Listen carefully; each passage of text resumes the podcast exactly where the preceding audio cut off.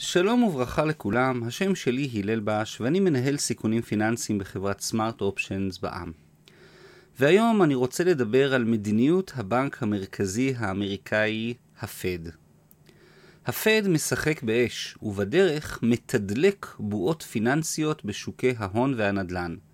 המשחק המסוכן הזה, שהחל כבר ב-2008, היא התערבות החריפה ביותר בשווקים שאנחנו מכירים. התוצאות כבר ניכרות בשוק האג"ח, והמשקיעים נפטרו ממה שבמשך מאה שנה היה נחשב לעוגן המרכזי של תיקי ההשקעות. האם הפד יתעורר בזמן? זוהי שאלת השאלות. הבנקים המרכזיים ברחבי העולם, ובראשם הבנק המרכזי האמריקאי, הפד, משחקים משחק מסוכן מאוד בעתיד של כולנו.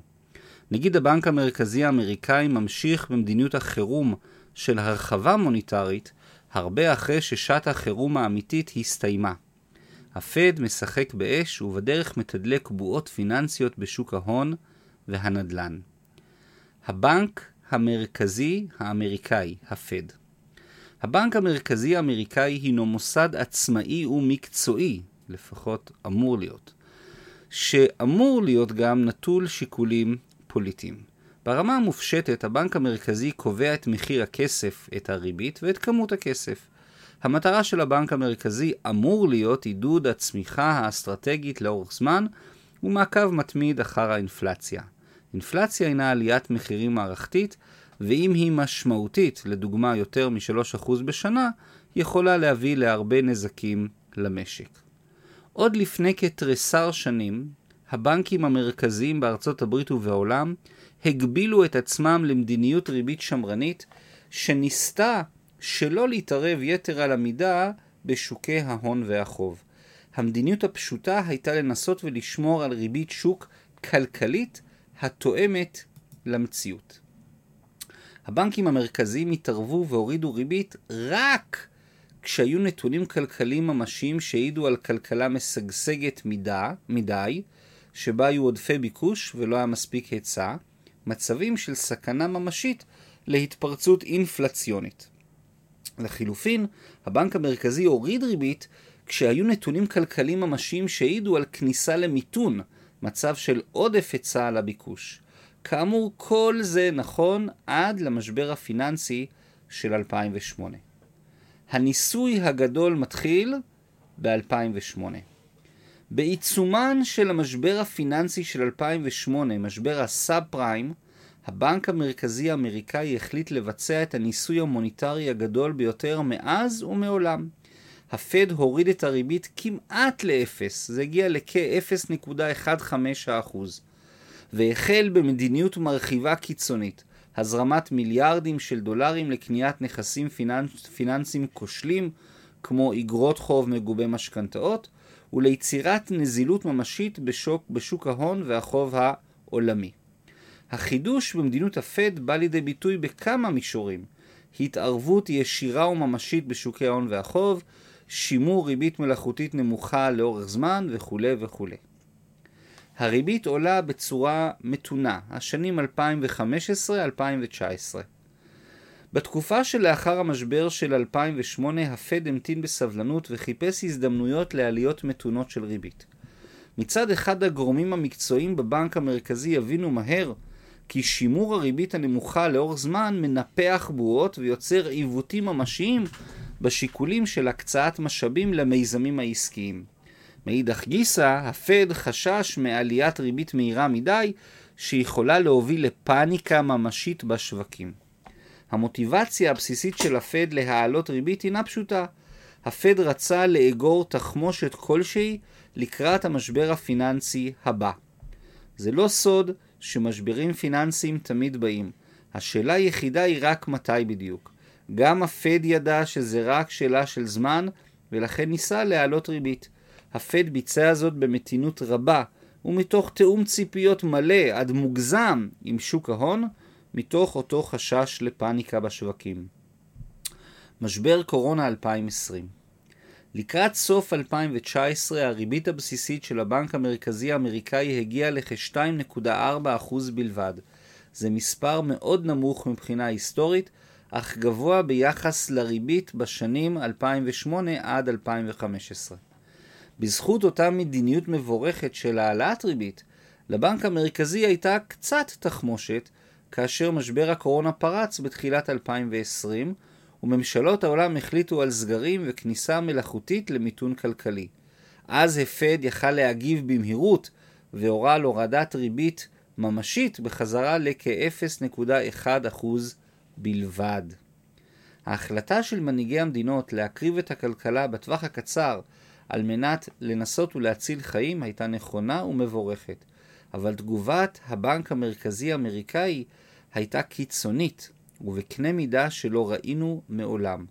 המדיניות המוניטרית המרחיבה של 2020 מגמדת את התגובה של 2008, והפכה דה פקטו את הפד לשחקן מרכזי והמשפיע ביותר בשוק ההון העולמי.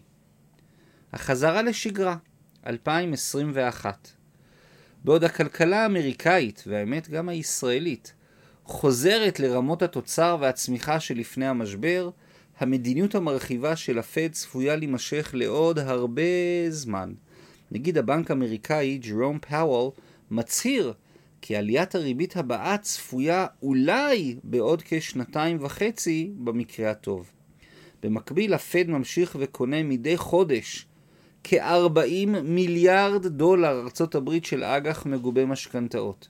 שוק הנדל"ן האמריקאי, ואגב גם הישראלי, עולה ועולה. והבנק המרכזי האמריקאי רק מוסיף שמן למדורה. אם זה לא מספיק, אז אין בכלל יעד לסיום המדיניות החודשית של רכישות אגרות חוב כלליות בהיקף של כ-120 מיליארד דולר ארצות הברית. החזרה לשגרה מתקדמת מהר מהצפוי, ובארצות הברית האבטלה במגמת ירידה תלולה. העובדות הללו אינן עוזרות למקבלי ההחלטות בבנק המרכזי לחשב מסלול מחדש, וחבל. התערבות גסה בשוק החופשי. גדולי הכלכלנים כבר הגיעו למסקנה המתבקשת כי ראוי לזנוח כל התערבות בוטה בשוק החופשי. היד הנעלמה של השוק מובילה למחיר מוסכם והוגן ומבטיחה רווחה ושגשוג מרבי למשק ולאזרחיה. אולם הבנק המרכזי מתערב כיום בשוק ההון בצורה קיצונית, ומעוות את המחיר החשוב מכל, המחיר של הכסף, הריבית. הכל מודים כי התערבות שכזו לאורך זמן הינה מסוכנת ובעייתית. אולי היה ניתן לומר שיש לבצע התערבות מקומית כשיש כשל שוק, אך כשל השוק נעלם, וההתערבות ממשיכה וממשיכה. החשש של הבנק המרכזי מכל שינוי שיכול אולי להוביל לתגובה ממשית בשווקים, יוצר קיפאון מחשבתי והעדפה של שב ואל תעשה. העולם הפך להיות תלוי בריבית הנמוכה ולא מוכן לעזוב אותה. המשקיעים הזרים מצביעים ברגליים. במשך רוב המאה ה-20 אגרות חוב אג"ח של ממשלת ארצות הברית היו הנכס המועדף של המשקיעים הזרים.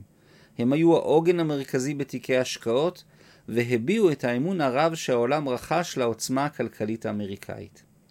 אבל תקופה זו כנראה כבר עברה מן העולם. במהלך ירידות השערים החדות של מרץ 2020 ראינו כמעט בפעם הראשונה ובהיקפים ניכרים שמשקיעים זרים מכרו באינטנסיביות ממשית את האג"ח האמריקאי. מאז ועד היום, חרף סכומי העתק, הטריליונים, המושקעים על ידי הפד בקניות אג"ח ממשלתי, המשקיעים הזרים ממשיכים למכור את האג"ח האמריקאי. עובדה זו כשלעצמה מהווה תמרור אזהרה ממשי לבנק המרכזי האמריקאי, והחשש הינו שהפד לא רואה או לא רוצה לראות את הסיכון העתידי הנוצר בגין פעולותיו או היעדרן.